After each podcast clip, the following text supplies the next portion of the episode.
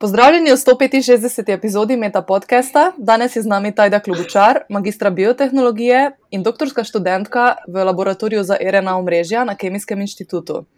Tajda je prav tako štipendijska Janka Jamnika. To je štipendija, ki štipendira nadobudne študente, ki želijo upravljati doktorsko dizertacijo. Živijo, Tajda? Zdravo. Najlepša hvala, da si si vzela čas, da se pogovarjaš z nami. Ja, z veseljem. Najprej bi te prosila, da se na kratko predstaviš, poveš nekaj o sebi. Uh, ok, no nekaj si že povedala. Um, uh, kje začeti? Drugače prihajam iz Črnomla. Um, tam sem tudi obiskovala gimnazijo. Um, pa mogoče, če kar začnem, pač nisem imela pojma, kaj bi študirala, ampak nekako sem uh, z željo. Ja, po genetiki se mi zdi, deset let nazaj sem glavnem razmišljala, kaj je to genetika in kaj so DNA in RNA molekule, in takrat sem našla program biotehnologije. A na koncu sem tam ostala, se pravi, po diplomi sem si vzela um, leto prosto, oziroma absolventsko leto, A, potem pa tudi nadaljevala na magistrskem študiju no, biotehnologije. A, trenutno pa sem študentka tretjega letnika bioznanosti, smer bioinformatika in delam na Kemijskem inštitutu. Torej, z pojmom biotehnologija si se spoznala že v srednji šoli? Niti ne. V glavnem, noben ni vedel, kaj ta študijska smer je, vključno z mano. Ampak... Vključno z mano, ker tudi jaz sem biotehnologinja, pa nisem vedela, kaj biotehnologija je. Ampak ne, greš pač študirati nekaj novega, ne, ne boš neke ustaljene smernice zbral. Um, tako da iz samega naključja sem se, ali pa mogoče tudi trme, ker takrat so me vsi so imeli mnenje, kaj naj bi šla študirati. In pol sem našla nekaj, kar noben ne misli, da naj bi šla. In no, zdaj pa povprečnemu poslušalcu čim bolj poljudno razloži, kaj to je biotehnologija in kaj sploh raziskuješ. Ta je težka. Biotehnologija je super veda, ki izkorišča organizme nam v prid. Ampak nismo izkoriščevalski do nje, enostavno um, producira od dobrih alkoholnih pijač, do zdravil, do antibiotikov, vse to je biotehnologija. Kar pa jaz zdaj nekako študiram, se mi pa zdi, da je bolj, bolj paše v vejo molekularne biologije, ker sem na koncu pristala v čisto bazični znanosti. Se pravi, moja služba je, da odkrivam neznano in da brskam v podrobnosti, kaj se znotraj naših celic dogaja, bolj specifično pač na RNA uh, eh, nivoju. Um, tako da težko rečem, da sem zdaj še zmeraj, oziroma sama sebe nimam več za biotehnologijo kot tako.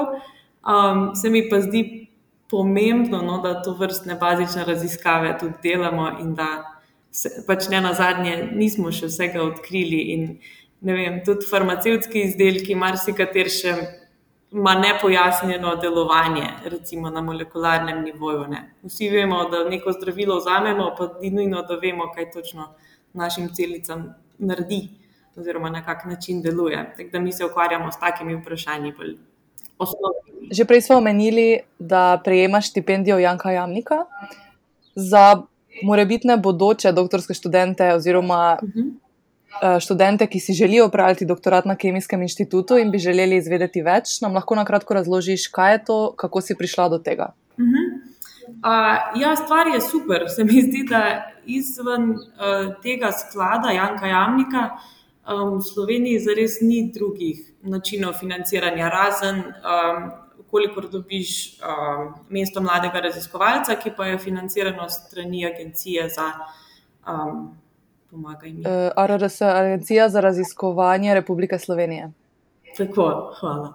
Um, tako da, ja, eh, jaz sem takrat razpis videla čisto po nesreči, ker sem se prijavljala do leta 2020, ko sem bila lepo doma in pisala magistrsko nalogo v svoji um, karanteni, ki so vsi. Um, prej sem sicer že slišala za to, ampak ne vem, se mi ni zdelo, da res imamo šanse, ali pa tako se mi je zdelo kar visoko. No? Um, tekmovalno okolje. Pa za res ni temu tako. No. Vsako leto se jih 20 do 30 prijavi um, in komisija, sestavljena iz raziskovalcev na Kemijskem inštitutu, nekako oceni um, prijavljene. Zdaj, kar je sploh dobra stran te štipendije, da res izbirajo študenta.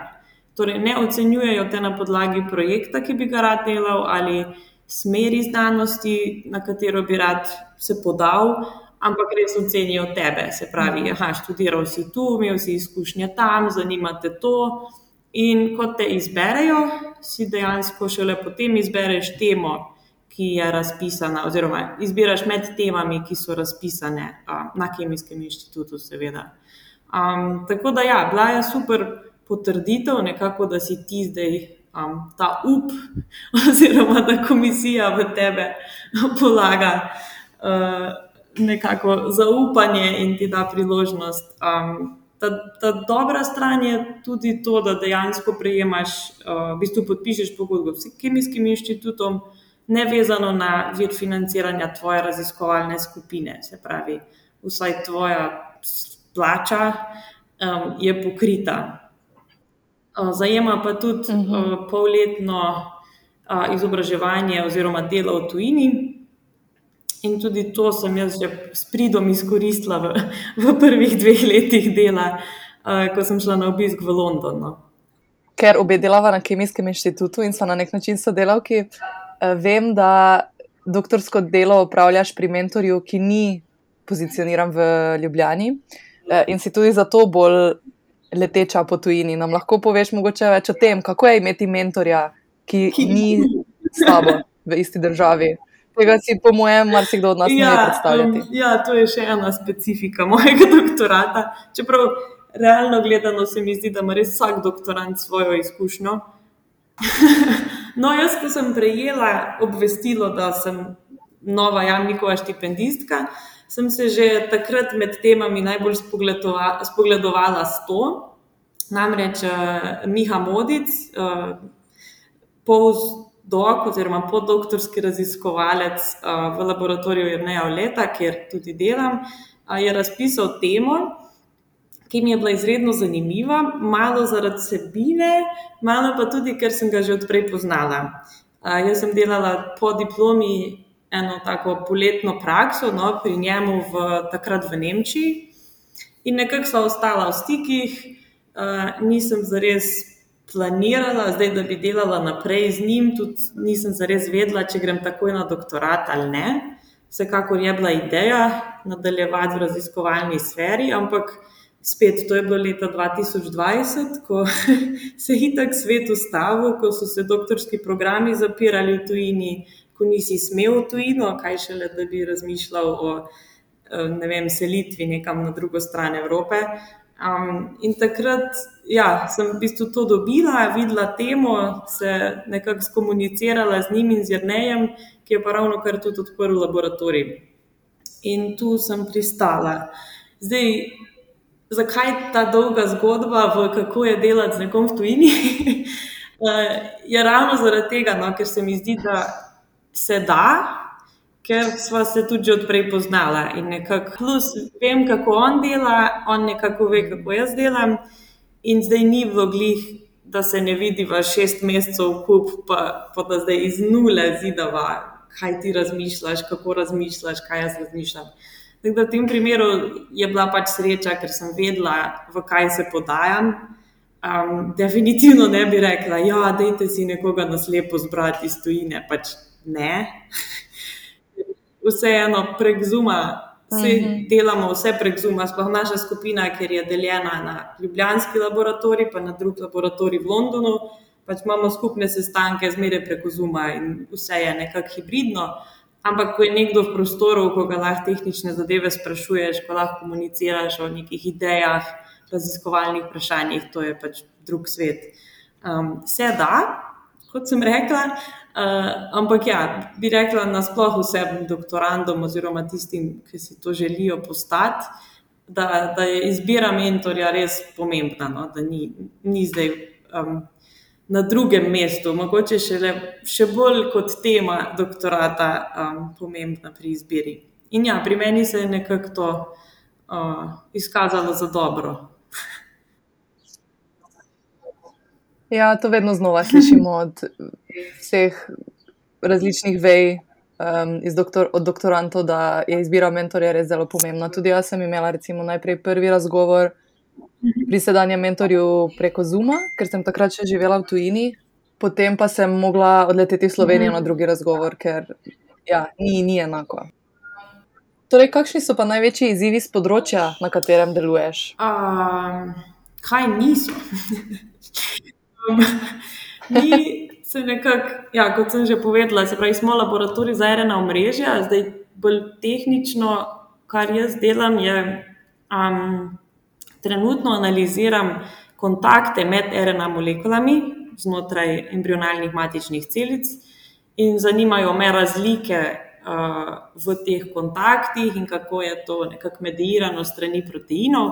Zdaj, na neki svetovni sferi imamo srečo, ker je stvar zelo vroča in uh, veliko laboratorijev dela na tem področju, kar je pa hkrati tudi slaba stran um, ko si v taki kompetitivni sferi. Se pravi, vsak trenutek imaš občutek, da bo nekdo objavil tvoje delo in da bo odgovoril na vse mm. vprašanja, s katerimi se ti ukvarjaš. Hkrati pa.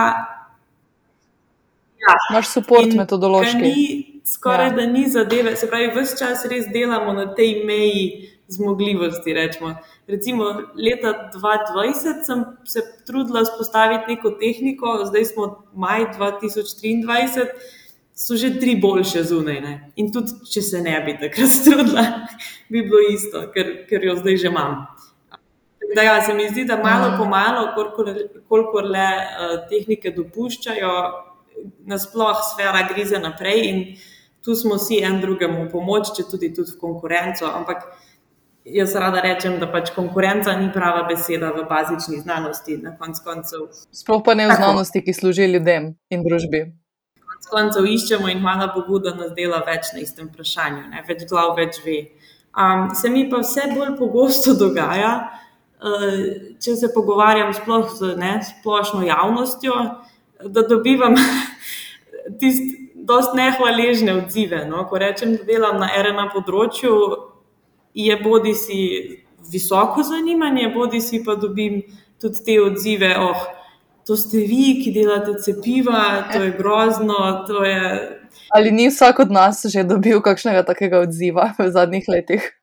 Ja, sem, če rečeš laboratorij za RNA mrežje, si res na, na tanki liniji. Um, je pa, ja, mislim, meni je zanimivo, verjamem, da marsikateremu taka bazična vprašanja um, jih ne dosti zainteresirajo no, in rabijo nekaj bolj aplikativnega.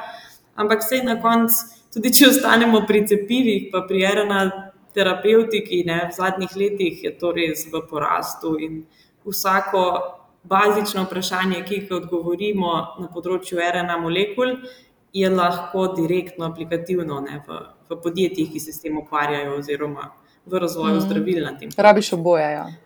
Um, je pa res, kot si že rekla, ne, oboje je potrebno.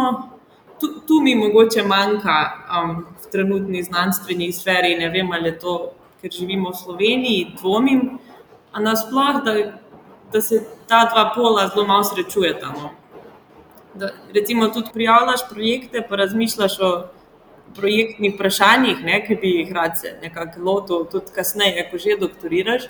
Imáš zmeraj to vprašanje, ali bo bazično ali bo aplikativno resnici je ogromno umestnega prostora. Ne? Ki ga nekako, če, če jaz grem na konference, se srečujem z bazičnimi znanstveniki, če to izraz, ki ga lahko uporabim. Medtem ko nekdo iz farmacevtskih podjetij bo pa hodil izključno na take aplikativne zadeve. Ne? In tu ta povezava se mi zdi, da si lahko privoščimo tudi malo skakati v eno in drugo eh, in se malo večkrat zmešati. Mm -hmm kar je konec koncev tudi potem dosti krat produkt sodelava med um, in akademijo in industrijo, kar je v bistvu končni mhm. cilj na nek način. Ja, tako je. Ja. Torej, kako pa poteka tvoje raziskovanje, kakšni so tvoji modeli, pristopi, oziroma kje vidiš potencijalne real life aplikacije? To si že malo povedala. Uh -huh. um, ja, jaz sem, če tudi sem upisana v bistvu na, na študij bioinformatike, sem še vedno precej eksperimentalist. Um, v glavnem delamo no, z veliko transkriptomskimi podatki, se pravi, vzamemo populacijo celic v nekih različnih pogojih in potem gledamo na nivoju RNA, se pravi, kaj se izraža, kaj se ne, kaj se pojavi, kaj izgine, ne na zadnje. A, tako da ta velik del nekega troubleshootinga v laboratoriju pripada meni. Imam pa srečo, da delam skupaj z eno podoktorsko raziskovalko, ki je sicer bazirana v Londonu, ampak je nekako um, upletena v moj projekt, ki dela večino teh težjih analiz. Tako da smo tudi mi dve nek tak um, ravnovesje no, smo našli, da ona lahko s svojo ekspertizo analize veliko pripomore, jaz pa potem v laboratoriju ta svoj del. Um, je pa res, da smo zdaj že na, na taki točki, no, zdaj, kot sem že rekla, tretji letnik, moram že nekaj imeti.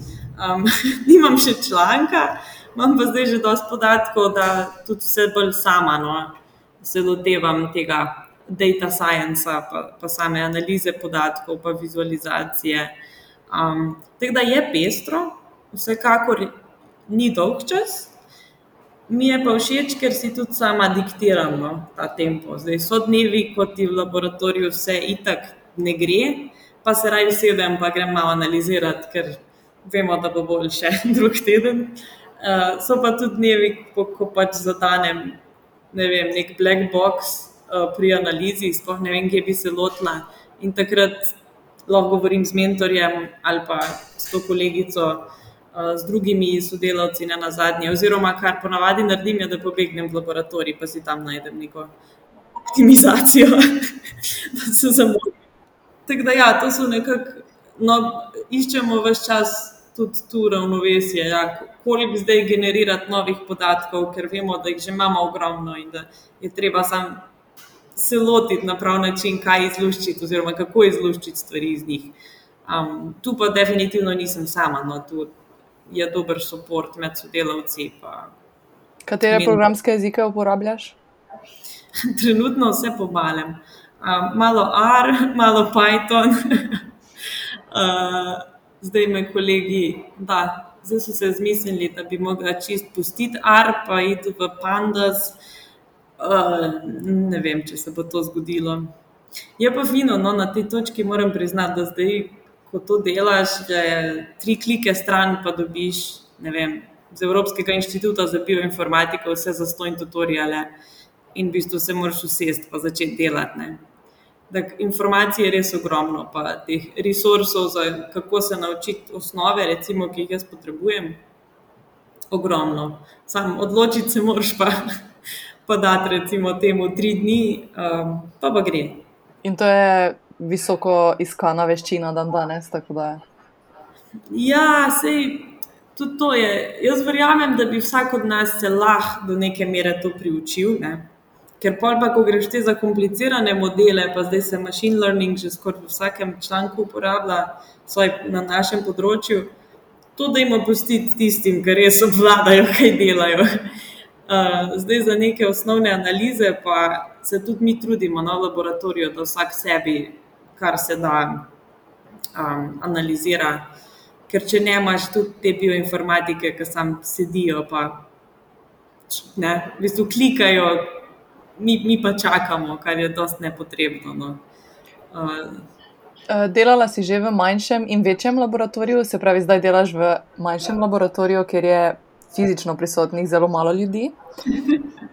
ja. Kakšna je razlika? Ali to pomeni, da mora vsak postoriti še kakšne stvari, ki niso ravno v njegovi domeni? Ja, tega je kar nekaj. Zanimivo vprašanje. um, ja, trenutno je pri nas, rečemo, ene osem ljudi, Um, kar pomeni, da smo ne tako mali, smo pa premali, da bi res rabili nek tehnični, um, tehnično podporo, no, z, z posebej zaposlenimi, samo za to. Um, Tako da smo v eni situaciji, ki nimamo tehnikov um, in to pripelje zraven, da če zmanjka tekočega dušika v tvoji celični banki, si ti krivne. Ali pa če ni CO2 v inkubatorju, je tudi naloga vseh. Tako da se mi zdi, da, da, da smo tu dosti specifični, ker zahteva še dodatno mero nekega teamworka. No. Se mi zdi, da znanstveniki nasplošno morajo biti prej ali slej, bolj ali manj, um, neki team playerji ne? in se morajo znajti znotraj skupin, pa tudi narediti nekaj za večje dobro, ne samo za sebe, ampak pri nas je mogoče tega še malo več, kar je v redu, dokler smo taki ljudje in dokler se vsi tega zavedamo, je pa ja, nadležno na trenutke. Prej si omenila, da si s pridom že izkoristila izkušnjo možnosti dela v tujini. Nam lahko poveš kaj več o tem? Uh, ja, jaz sem se že tekom študija, oziroma obeh absolventskih let, po zaključenem do diplomskem in magistrskem, um, sem v bistvu naredila nekaj laboratorijskih praks. Um, ena je bila v Nemčiji, pa na švedskem in na koncu na portugalskem.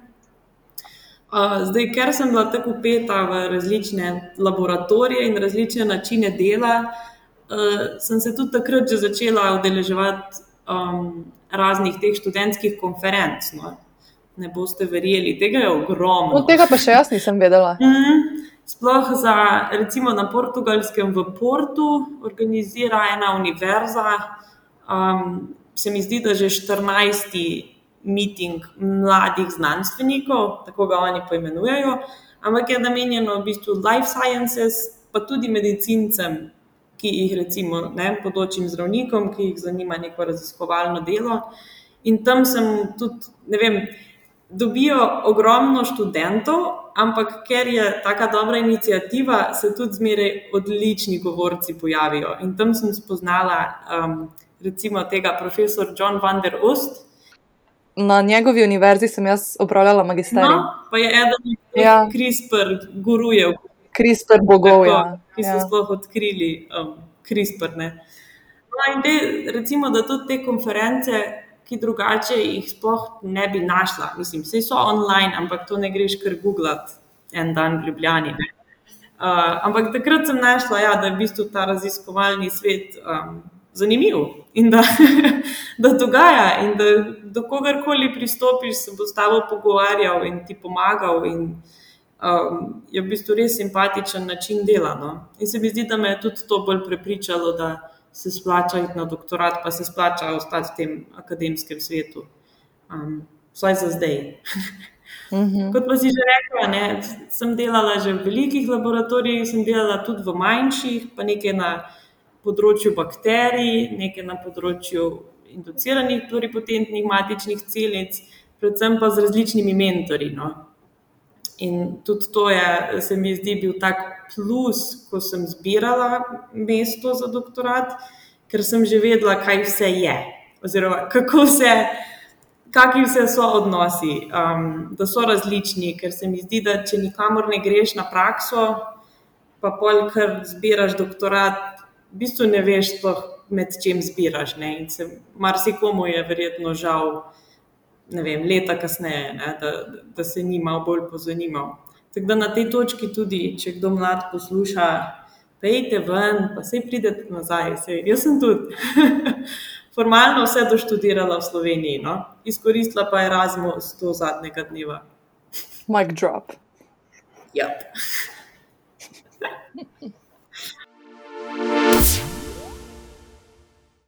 Ali se spomniš kakšne zabavne ali zanimive anekdote povezane s tvojim mentorjem ali pa z raziskovalnim delom?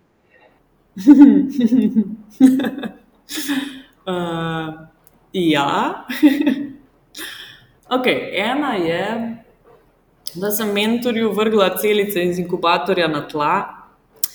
Sem to je taka, zdaj je smešna, v tistem. Ne. Takrat ni bila smešna. Ujo. Jaz sem mentorju enkrat celice okužila. Vse. Ja. No, razumeš, se mi zdi, da polno je takih anegdot um, sladko-kislih, če to izrazne. Ker zdaj so ful smešne. v njih momentih pa misliš, da boš kar umrl, pa da boš odpuščen in da nikoli več sploh ne boš pojavil v svet.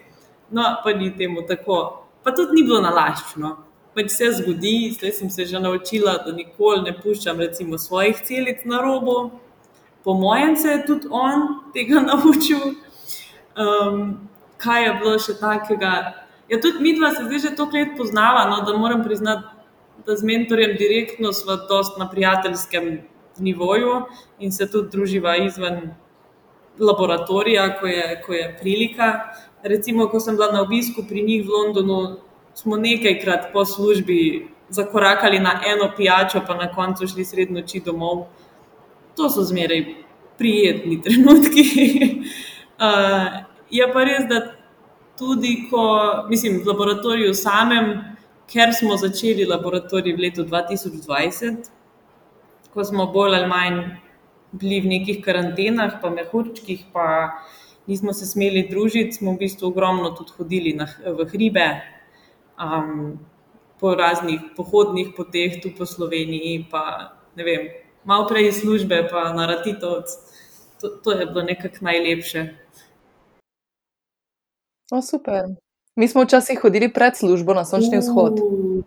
Ampak eh, mislim, da smo se vsi malo figurativno postarali in preprosto nimamo več energije ali pa časa. To je bilo na zadnje še pred korono. Ja, vidiš, to je zdaj problem. Zdaj smo nazaj zablokirani s temi pa bolj proti koncu doktorata si več imaš dela, in zdaj se mi zdi, da je vsem motivacija za take op, op, uh, študijske dejavnosti padla. Ja. Ne, ne, to je samo nekdo, ki mora predlagati. To pa so vsi za. Okay. Bi drugim doktorskim študentom predlagala kakšno tehniko za upravljanje s časom ali pa morda računalniški program, ki ti olajša delo? Oh, ja, ampak jaz jih ne uporabljam. toplo priporočam. um, ja, meni se zdi, da ko začneš doktorat, se ti zdi, da kar čim prej bi nekaj. Pa, ja, ja, dajte mi čim več dela, pa da se to naučim, pa da se to naučim. Ne. Pač, vzami si en mesec, pa se odloči, kje boš zapiske delal, v kateri obliki, v knjigi, ali bo to tablica, ali bo to online orodje. Preberi um, vse, kar imaš za prebrati, in potem preberi vse še enkrat. Ampak več pri meni je bilo pa ravno obratno. Jaz sem pa htela, meni je pa mentor na magistrski rekel: Ja, en mesec beri, ko boš pripravljena priti ven iz svoje mm. sobe. Um, potem pa sem prišla na doktorat in sem rekla: Ja, se zdaj bom pa verjetno kak teden v pisarni brala. Pa je bil mentor tak: Ne, ne, jutri kloniranje. Ah! Tako da to ima očitno vsak svojo, svojo preferenco. Ja, to je res. Ne. Odvisno, kaj jih izuči, pa kaj se zdi. Ja. Ampak jaz se strinjam s tvojim pristopom. Ja. Ne, jaz bi rekla, da, da pač te tehnike res. Pa, pa tudi veš, na začetku prvega letnika nisi zdaj toliko overwhelmed, ker imaš tudi predavanja, pa to in nekako, če to računaš v svoj delovni dan, ni, ni zdaj spet toliko dela. Mislim, razen če si sam neumen, pa si pač preveč dela v laboratoriju zadaš. Uh, ampak, če si. Vem, če si na eni točki smo, je treba povedati. Smo, smo, disclaimer. ne, sem, če bi si vzela dva tedna, takrat pa si vzpostavila, kje bojo moje datoteke, kje bojo backupi, kdaj bojo backupi ali sploh bojo backupi. Morajo biti. mm. uh, na kak način, mislim, sploh pri meni, ki imam ful sem tip, ki rad piše, se pravi, posod si zapiske delam na roke, ampak glede na to, da je mentor v tujini, pa da je pol laboratorija v tujini, pač smo vsi prišli pol na te online laboratorijske ne, dnevnike. In to zna biti ob petkih, se kdaj lotim to prepisovati, kar je res neumno in res slabo upravljen čas. Um, če, kdaj najdem tudi kakšne napake ali pa kakšno idejo, No, potem ni slabo uporabljen čas. Glavnem je. Tako da, ja, dejte izkoristiti, kar vam moderna tehnika ponuja. Ja, jaz imam vedno to paranojo, preden imam kako pomembno predstavitev. Pa ker hodim pač z kolesom v službo in to pomeni, da imam laptop vedno na, v nahrbniku. Da kljub temu, da imam backup, si vedno še predstavitev na Google Drive. Ker kaj se mi kaj zgodi na kolesu in v računalniku niče. Ja, se to je pametno. Ja, to so te paranoje. Ja, mi smo tudi, ker ne imamo šefa še v Londonu in imamo tudi dostop do njihovih Dropboxov, ki so ogromni. Sem se tudi končno navadila, da imam vse kar na Dropboxu. Imam. Tudi da lokalno praktično ne shranjujem. Um, je pa tudi pri nas drug problem. No? Ko imaš eno sekveniranje, pa moraš 30 giga nekam naložiti, um, laptop ne bo prenesel. Mm. Da smo od serverjev odvisni, uh, tukaj in v tujini. No. Um, Ok, dober nased. Priporočilo za knjigo, igro, film, spletno stran, podcast. Uh, ena knjiga je, ki sem jo prebrala leto pa pol nazaj, pa ni bila nova, nič posebnega, ampak naslov je Why Fish Don't Exist, avtorice Lulu Miller, ki se pravzaprav ukvarja s tem vprašanjem, no, zakaj ribe ne obstajajo, um, ker je nekako biografska knjiga o Davidu Starr Jordanu. To je bil en sistematik, ki je v bistvu odkril, odkril. delal na področju no, sistematike v 20. stoletju um, in se ukvarjal s tem vprašanjem, ne, kaj je riba, kam pa še zdaj v te družine, pa vrste, oziroma vrste rib. Kaj, uh, v bistvu s tem vprašanjem.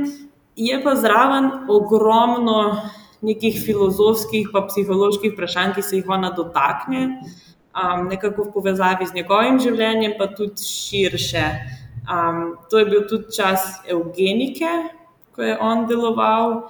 Um, in ja, nekaj poglavij je kar takih bolečih, ko, ko se spomniš, kaj se, se je dogajalo Mm -hmm. sto let nazaj. No? In da je bila to nekakšna sprejeta znanost, ki je popeljala današnjo genetiko uh, naprej, um, oziroma takratno genetiko do stanja, ki je danes. Um, teda to je nekako tudi knjiga, se res lepo bere. Pa je malo biološko obarvana, je pa tudi primerna za nekoga, ki ne pozna sistematike ali pa biologije. No. Um, podcast, ki moram priznati, da redno nobenega jih ne spremljam, razen LDGD, Um, Meti na listu. Ja. Sem pa nedavno našla en podcast, uh, mislim, da je naslov Night Science, kjer se dva raziskovalca pogovarjata z drugimi, um, tudi tako 20-30 minut, pa dobijo vse možne, mislim, od direktorjev največjih inštitutov do ne vem, nekih, veš, polzdokov na eni mali univerzi, ne vem, v Franciji. Um, in zdaj sem jih ta teden, mislim, da je šel intervju z Edith Hurt, ki je strokovnjakinja na področju X in aktivacije. Kakorkoli, ne dotikajo se vprašanj tehnično z njenim delom, ampak bolj, kje najde kreativo, zakaj že delaš 40 let na istem vprašanju, kako je to sploh možno. Se pravi, taka bolj za znanstvenike. No? Ali pa če kogarkoli zanima, s čim se, se mi ukvarjamo tudi s tem, kaj nas sploh motivira, da stanemo zjutraj. Uh, in ja, vsak znanstvenik ima neko svojo zgodbo um, na tem. Film, spletna stran, tu pa sem res slaba. Filmov malo gledam. Moj definitivno najljubši je bil um, no, Everything Everywhere All at Once. Oh, jaz sem zdaj na polovici, pa ga že en mesec probujem dokončati, pa še mi ni uspelo. Res? Ja. Joj, ja. dej, dej. Sem že malo pozabila, hvala, da si me spomnila. Začni še enkrat. Um, pač res je dober, pa tudi nekako smo se s to bioinformatičarko, s katero najbolj blizu delam no, službi, smo se obe uh, strinjali, no, da nam je, obem nam je zelo všeč ta film. Hkrati pa naši podatki s katerimi se ukvarjamo, izgledajo podobno. Se pravi, ko vidiš A, ta barna schema. In... Tako, in, in ko gledaš analizo RNA kontaktov med sabo, je to besedno everything, everywhere, all at once. Predlogi za izboljšanje oziroma posodobitev doktorskega študija, kako bi ga ti aktualizirala? Uh. Mislim, najprej, če bi me kdo vprašal, bi si povedala, kaj, kaj, bi povedala, kaj si mislim. Um, tam se mi zdi, Povej, da kaj si misliš. nismo vprašani s strani univerze. No. Pa jo na tej točki pozivam. Okay. Um, kar si mislim, a, zdi se mi, da je vse preveč razdrobljeno. Na kakšen preveč način? Se pravi, teh študijskih programov je ogromno, ki sami po sebi zares nobene specifike ne ponujajo, ker na koncu vzameš predmet, ki te zanima in iz katerega programa je. Ne, ne razumem zares, zakaj moram biti jaz pisana v smer bioznanosti, oziroma program bioznanosti, smer bioinformatika. Um, To se mi zdi, da je bolj formalnost pri marsikomu, da, ja, da sploh nima nobene praktične vrednosti. in nima. Mm. Mislim, tudi si upam trditi. Um, pa če jaz bi ta predmet bioinformatike lih tako vzela, tudi če ne bi bila zdaj v tej smeri. Um, tako da, ja, ti predmeti. Drugo je, da mislim, sploh na Kemijskem inštitutu se res trudijo, da nam dodajajo še te um, nekakšne tečaje za mehke veščine, pa delavnice. In to v tujini tudi tega ogromno. Samo v tujini je to tudi akreditirano. Se pravi, doktorandi imajo ponavadi neko število ur seminarjev, na katere morajo iti. In to je lahko bodi si tvoja tema raziskovanja, to je lahko public speaking, uh, how to write an article, ampak vse to so ure, ki jih ti porabiš za svoje izobraževanje ne, in so na ta način akreditirane. Pri nas pa te ure nekako oddelamo. V svojem prostem bo- času.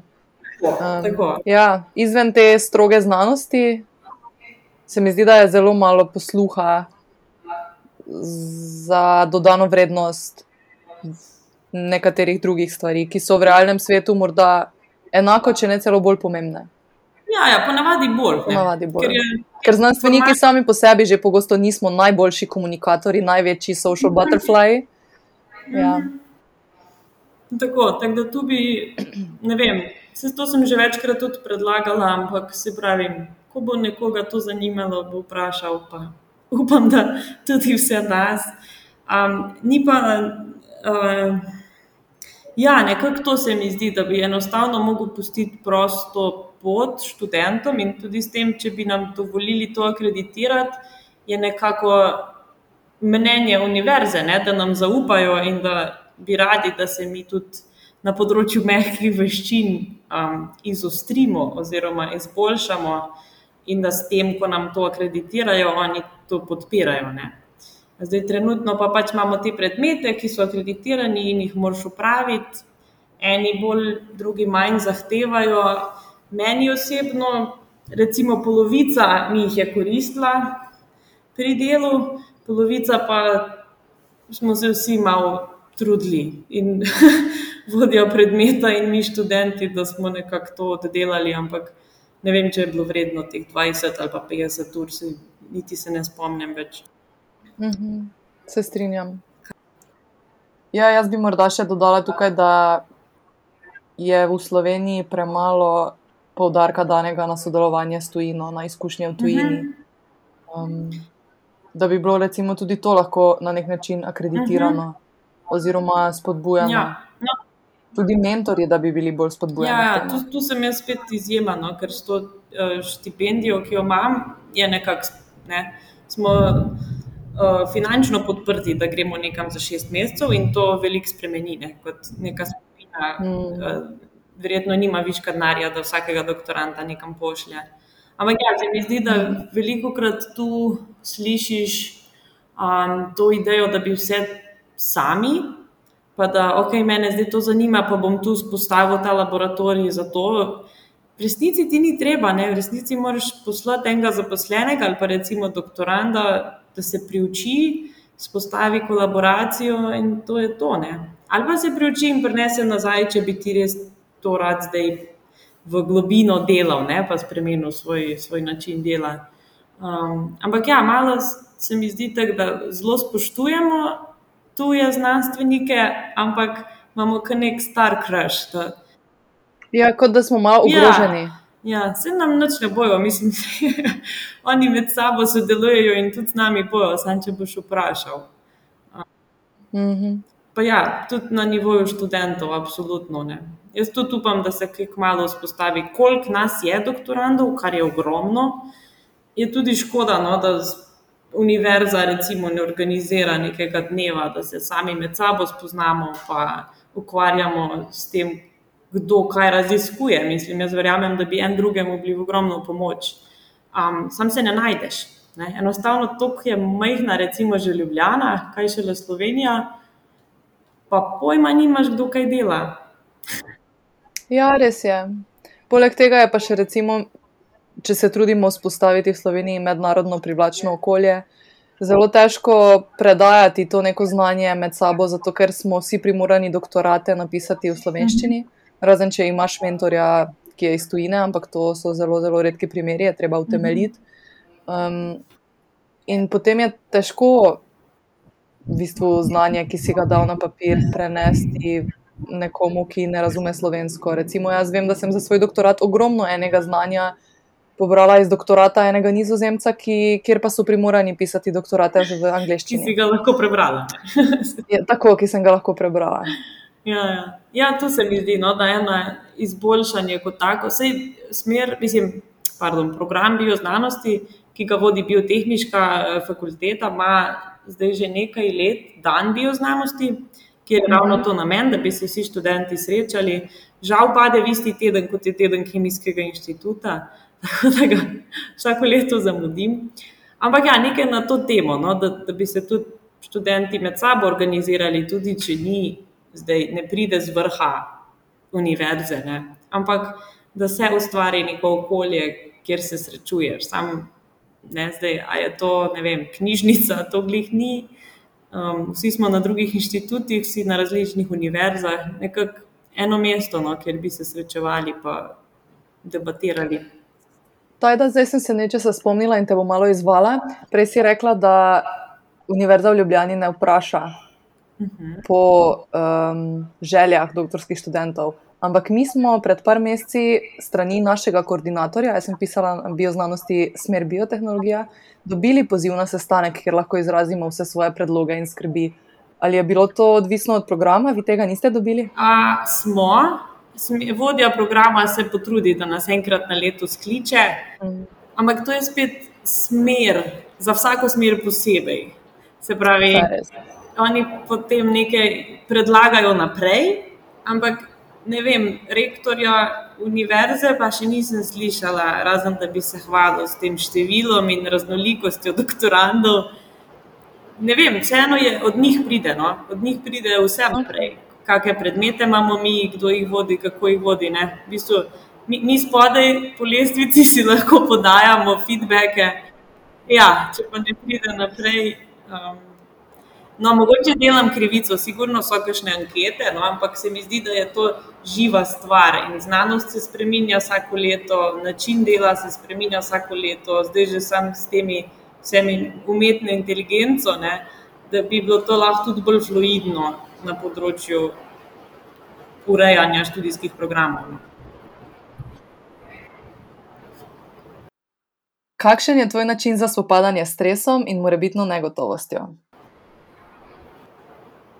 Tu se mi zdi, da kot vsi drugi nimam nekega specialnega odgovora in rešilne bilke, ampak nekako sem se sprijaznila, da se vsi ukvarjamo s tem ravnovesjem in da vsi iščemo neko ravnovesje, da se malo sekiraš, ker ti je mar, ampak da se ne preveč sekiraš, ker izgoriš uh, v tej želji. Jaz sem si aktivno, um, ker v prostem času igram violino in sem to med COVID-om opustila, ker je pač kultura šla po gobe. Um, sem pač po popustitvi vseh teh omejitev, spet začela igrati aktivno pri eni folklorni skupini, pa tudi v eni drugi zasedbi. Če tudi se mi zdi, da recimo na dan vaje, kdaj prej zaključim službi, ker moram laufati na drug konc Ljubljane, ali pa so obdobja koncertov, kjer imamo dodatne vaje, in zaradi tega so moji dnevi, recimo od 7 do 11 zvečer, aktivnosti. Ne? Ampak se mi zdi, da meni to recimo pomaga, da grem še nekam, da imam še eno drugo odgovornost, da nekam se pač moram pojaviti ob eni uri in bolj razmišljaš o drugih stvarih. Ali pa v mojem primeru, doskrat tudi ne razmišljaš, ampak pač igraš in vklopiš drugi del možganov. Um, Teda se mi zdi, da nekdo, ki kakršen koli hobi že ima, no, da nas to malo drži. Tako, po zdravi pameti. Pa, um, ne bom rekla, da se odlično spopadam s stresom, se pa definitivno boljše, kot sem se na začetku. In to se mi zdi tudi en tak namen doktorata. No? Da med drugim ne se samo učiš neke specifike tvojega raziskovalnega vprašanja, ampak kako sploh ne, živeti, menedžirati svoj čas, um, kaj to pomeni. Dovoliti si, da imaš slab dan in da če tudi si plačan, da razmišljaš, da pač včasih enostavno ne moreš. In pride drug dan, ko imaš pa polno idej. Ne. Tako da bolj to, da sam sebi dovoliš, da so tedni, ko si res počasen, ampak so tedni, ko si pa hiperaktiven in produciraš ogromno. Če bi lahko bodoči doktorantki ali doktorantu dala en na svet, ki si želiš, da bi ga prejela, prejela sama, kakšen bi to bil? Mnogo si jih že povedala tekom pogovora. ja, izluščite tri. um, ne, tu bi mogoče dodala, da uh, v bistvu zaradi te moje opetosti v neko raziskovanje že tekom študija, sem tudi sama prejela že ogromno dobrih nasvetov, preden sem začela doktorat. Um, in te bi kar ponovila. No. Ena je, da doktorat je tek na dolge proge, oziroma da je maraton. In jaz, recimo, ki ne tečem, uh, sem si to težko predstavljala, oziroma sem vedela, da nimam tega občutka, da bo nekaj dolgo trajalo in da je v redu, da dolgo traja, in da ne vidiš zares cilja na koncu, ampak da tam je. To se še sama večkrat opomnim. No po mojem, na mesečni ravni ali pa vsaj nekajkrat letno. Uh, druga stvar, ki bi pa omenila, ki smo se mogoče že pogovarjali, ja, je, da se sam zavedaš, da neko to doktorsko izobraževanje, če mu rečemo ne, malo širše, je v bistvu v dve smeri. Se pravi, tudi mentori se učijo, ker se zmeraj učijo in ti se učiš.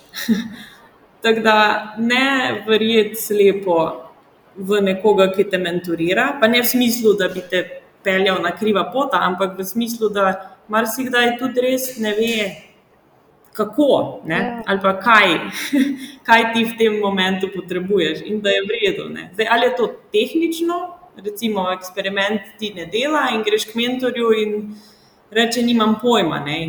Se zdi, pa se mi zdi, da marsikdo od kolegov, no, doktorandov, ki jih poznam, so rezervirani. Uh, mogoče zaradi te ideje, ker mislijo, da bi mentor lahko vse vedeti, mogoče pa ker so pač taki po karakterju, ampak da si niti ne upajo mm. dvomiti v, v nekoga nadrejenega. Ker je v Sloveniji to še vedno zelo nespoštljivo, dojeto kot zelo nespoštljivo. No, vidiš, jaz to nimam izkušenj. Mi smo, vsi moji nadrejeni so delali v tujini. Mm zmeraj, se mi zdi, razen ja, nekega študija. Um, in mi smo res, nimamo hierarhije, no? mi smo vsi na istem, in v bistvu se mi zdi zdravo, da tudi spodbuja tista butasta vprašanja, ki, ki, se, ki si jih zmeraj želimo. No? Ko vprašaš študente, ima kdo kakšno vprašanje, pa je tišina, pa ne, pa če vprašaj nekaj pedastega. Um, ampak ja, to je nekako rezultat če, če to dovoliš, no, se mi zdi, da se pol tudi ne bojiš mentorjev, oziroma ne, ne filtriraš svojih idej, da ne bi izpadel neumen. In če ne filtriraš svojih idej, se še le lahko nekako vzajemno pogovarjaš, pa debatiraš um, o znanosti. Tako da tudi, če se vam zdi, recimo, da je mentor.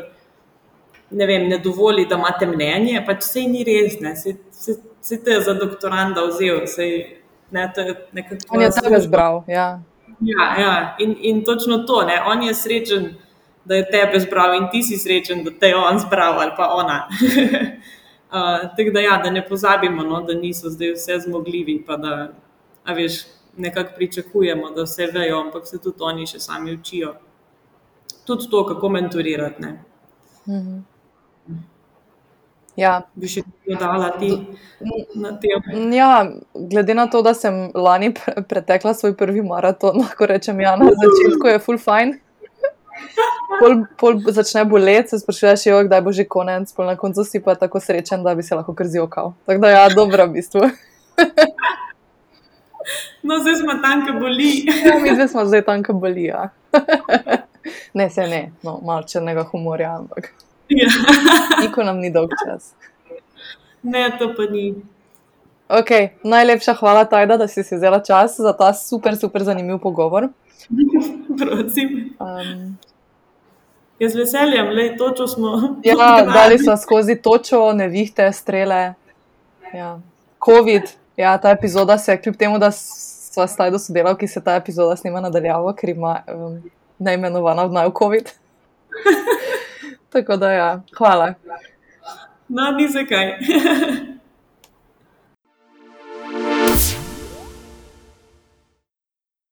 Poslušali ste Meta podcast, podcast, v katerem se pogovarjamo z mladimi znanstveniki in znanstvenicami iz različnih področji znanosti. Podcast domuje na spletišču metinalista.si, kjer lahko najdete tudi druge poučne vsebine. Naše delo lahko podprete z donacijami Metini listi, pohvale, pripombe in predloge lahko posredujete na e-mail znanost.afnametinalista.si. Dobrodošli so tudi komentarji na Facebook profilu Metine liste in na Twitterju afnametinalista, kjer uporabite hashtag metapodcast. Se slišimo čez 14 dni.